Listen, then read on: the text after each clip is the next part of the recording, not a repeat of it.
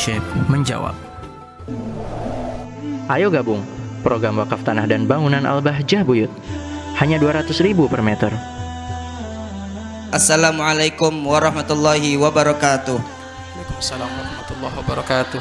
Abah, saya ingin bertanya, bagaimana cara menyikapi terhadap seseorang yang tidak taat kepada Allah? Terkadang kita merasa prihatin melihatnya. Syukron. Baik. Kuntum khairu ummatin ukhrijat linnas. Kamu sebaik-baiknya umat manusia yang dihadirkan di muka bumi ini oleh Allah Subhanahu wa taala. Cirinya adalah ta'muruna bil ma'ruf wa tanhauna 'anil mungkar. Kamu ini sebaik-baiknya umat yang dihadirkan di muka bumi ini. Umat Nabi Muhammad sebaik-baiknya umat yang dihadirkan di muka bumi ini dan memiliki dua ciri khas. Apa? Mengajak kepada kebaikan dan menjauhkan orang kepada kemungka, kemungkaran.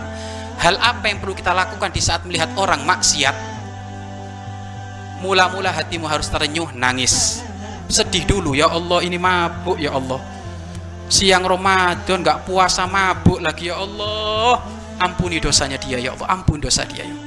Kemudian di saat sadar ya, di saat sadar dideketin assalamualaikum gimana sehat dikasih nasihat yang pelan-pelan. Jangan langsung didor mabuknya itu ngamuk lagi nanti.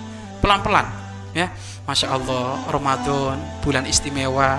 Ramadan bulan peleburan dosa. Ayo kembali kepada Allah.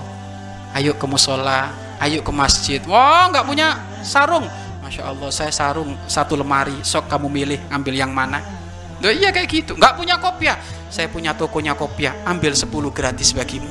Langsung gitu saya nggak punya tas B saya jualan tas B KUK ambil sok 5 jadi jangan dikasih celah dia untuk tidak tidak hijrah kembali kepada Allah. Akhirnya apa?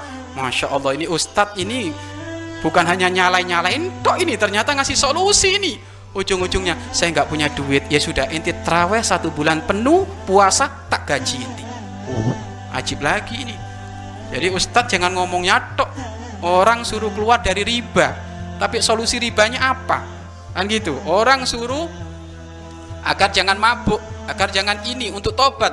Tapi dia terhempit dalam urusan ekonomi maka ayo diselesaikan itu semuanya. Jadi intinya adalah kita harus sedih kemudian ayo kita ajak dalam kebaikan. Pelan-pelan ngajaknya nggak kena hari ini besok nggak kena besok lusa nggak kena lusa minggu depan terus pokoknya.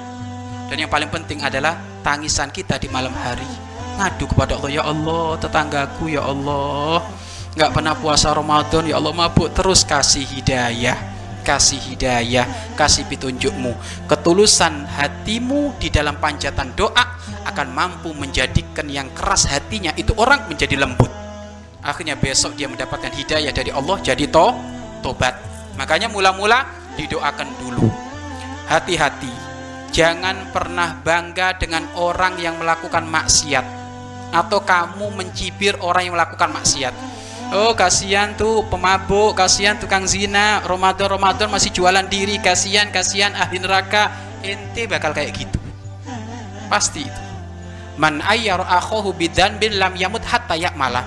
Barang siapa yang mencaci maki, meremehkan, merendahkan temannya di saat temannya melakukan maksiat, bukan didoakan malah diremehkan, direndahkan, ia tidak bakal mati kecuali melakukan seperti itu.